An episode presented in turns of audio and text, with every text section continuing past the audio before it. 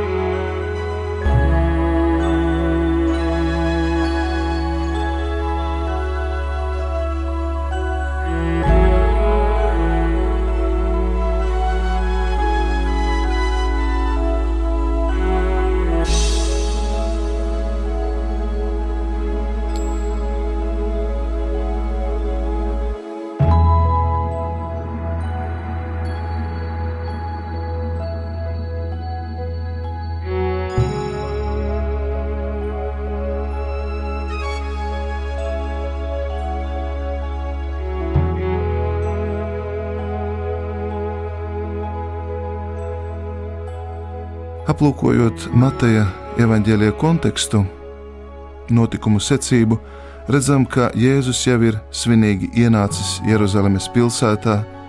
Tur viņš jau ir izdenis tirgotājus un naudas mījējus no tempļa, un tad seko vairākas līdzības, kuras varam vispirms attiecināt uz Izraēla tautu. Līdzība par vīģes koku, kurš nenes augļus, pēc tam Jēzus runās par neusticīgajiem un ļaunajiem vīna dārza strādniekiem, bet pirms tam šī līdzība par tēvu ar diviem dēliem. Evanģēlijā Jēzus mūs aicina pārdomāt, kā mēs atbildam Dieva aicinājumam. Dievs sauc, Viņš runā, katru no mums Viņš aicina. Dievs vēlas mūs sagatavot un dāvāt mums savu neatkārtojamo un brīnišķīgo debesu valstību, mūsu tēviju, kas ir debesīs. Un patiesībā šajā līdzībā mēs esam aicināti atpazīt paši sevi. Bieži mēs labi un pareizi runājam, bet nevienmēr darām to, ko Dievs no mums gaida. Mūsu dzīve neatbilst tam, uz ko esam aicināti, un bieži neesam gatavi saņemt to, kas mums tiek un tiks uzticēts. Tiešām arī mēs dažreiz uzvedamies kā bērni, kas pārliecinoši sakām, jā, darīsim to, būsim tur, bet dažas stundas vēlāk atrodam šos bērnus pie televizora, datora vai draugu kompānijā, pilnīgi aizmirstot doto solījumu. Patiešām dažreiz mums šķiet, ka esam jau svēti un pilnīgi, bet patiesībā vēl neesam uzsākuši atgriešanās ceļu. Tomēr šajā līdzībā ir kaut kas vairāk kā stāsts par vienkāršu paklausību. Jēzus atklāja un parāda augstprātību un lepnību, ar kādu farizēju un rakstu zinātāju izturās pret grēciniekiem sliktā slava, pagātnē izdarītais ļaunums, bieži vien kā smagas ķēdes, turpina vilkties līdzi grēciniekam, pat ja viņš ir mainījies. Patiešām ir tik grūti mainīt ļaužu uzskatus, īpaši, ja mēs sevi, salīdzinot ar citiem, sākam uzskatīt par pareizākiem, taisnīgākiem un svētākiem, vai mūsu skatienā ir piedošana, žēlsirdība, vai apzināmies, ka paši varam nonākt līdzīgā situācijā. Patiešām dabas tēvs mūs uzlūko ar citu skatienu, un Dievs pravieša Ezehiela grāmatā caur sava pravieša lūpām saka, ja taisnīgais atkāpsies no sava taisnīguma un izdarīs grēku, viņš nomirs. Viņš nomirs netaisnības dēļ, ko būs izdarījis bet ja bezdievis novērsīsies no savas bezdievības, kurai bija nodevies un rīkosies pēc tiesas un taisnības, tad viņš saglabās savu dvēseli dzīvu. Jēzus redz katra cilvēka sirdi, un viņš ar prieku pieņem grēcinieku, kurš vēršas pie dieva un vēlas atgriezties.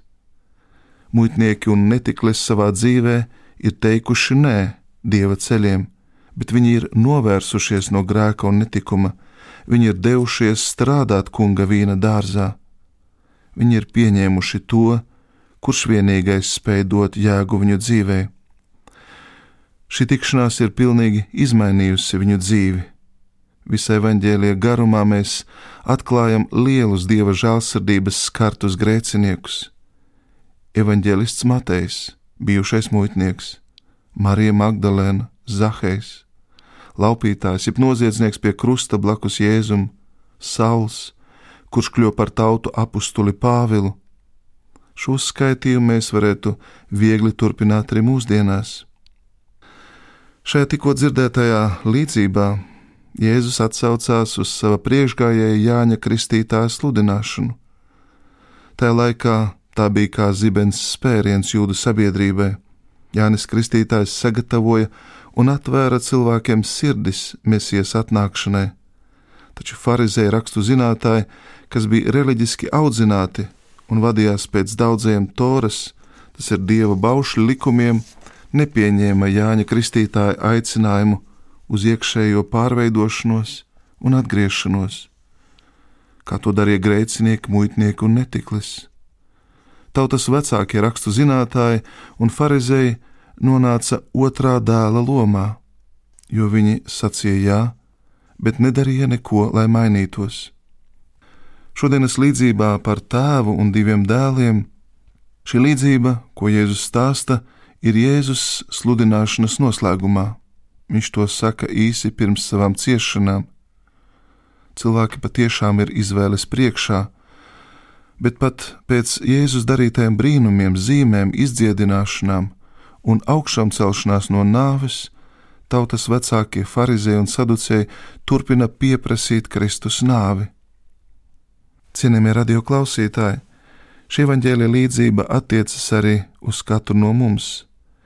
Kristus mūs visus aicina strādāt savā vīna dārzā, un šis dārzs ir viņa valstība, valstība, kurā valda mīlestība, taisnība un miers.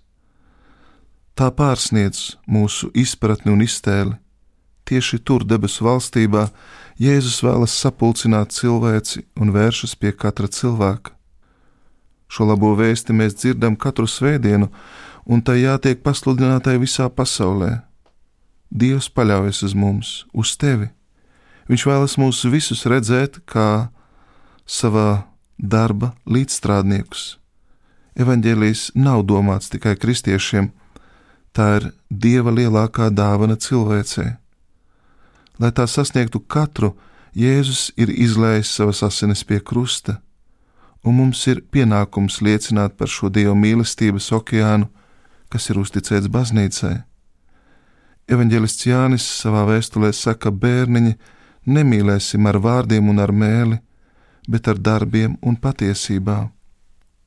Šajā līdzībā atklājam, ka Tēvs ir pacietīgs un neiekars dusmās pret saviem dēliem Viņš dāvā viņiem laiku, nožēlot, mainīties. Protams, Svētie raksti skaidrs saka, lai jūsu jā ir jā un jūsu nē ir nē.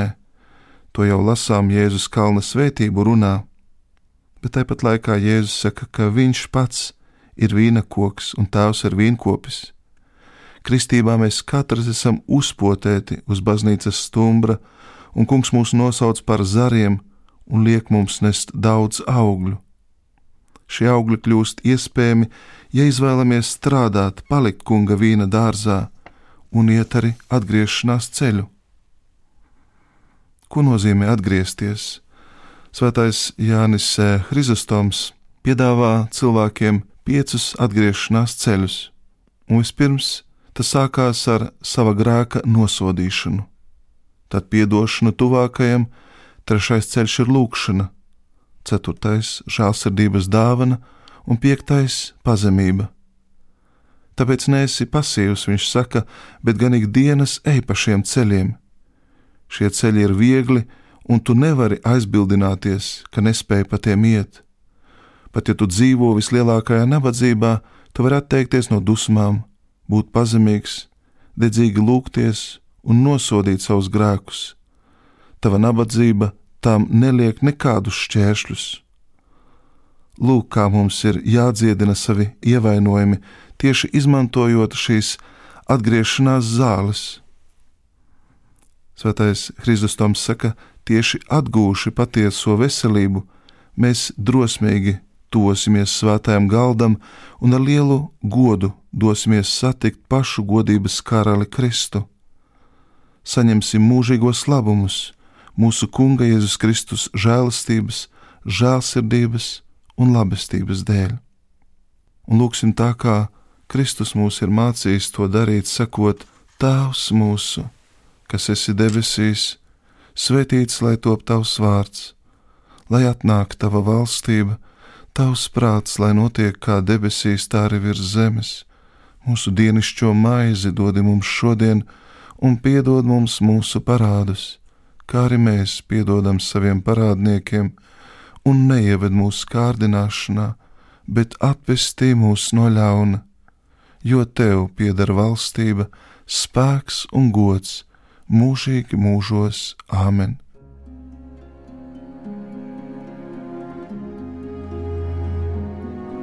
Lai jūs visus bagātīgi svētīs, sargā un pavada visvarenais un žēlsirdīgais Dievs, Tēvs, un dēls un svētais gars. Āmen! Ar jums svētbrīdī kopā bija Katoļu baznīcas biskups Andris Kravalis.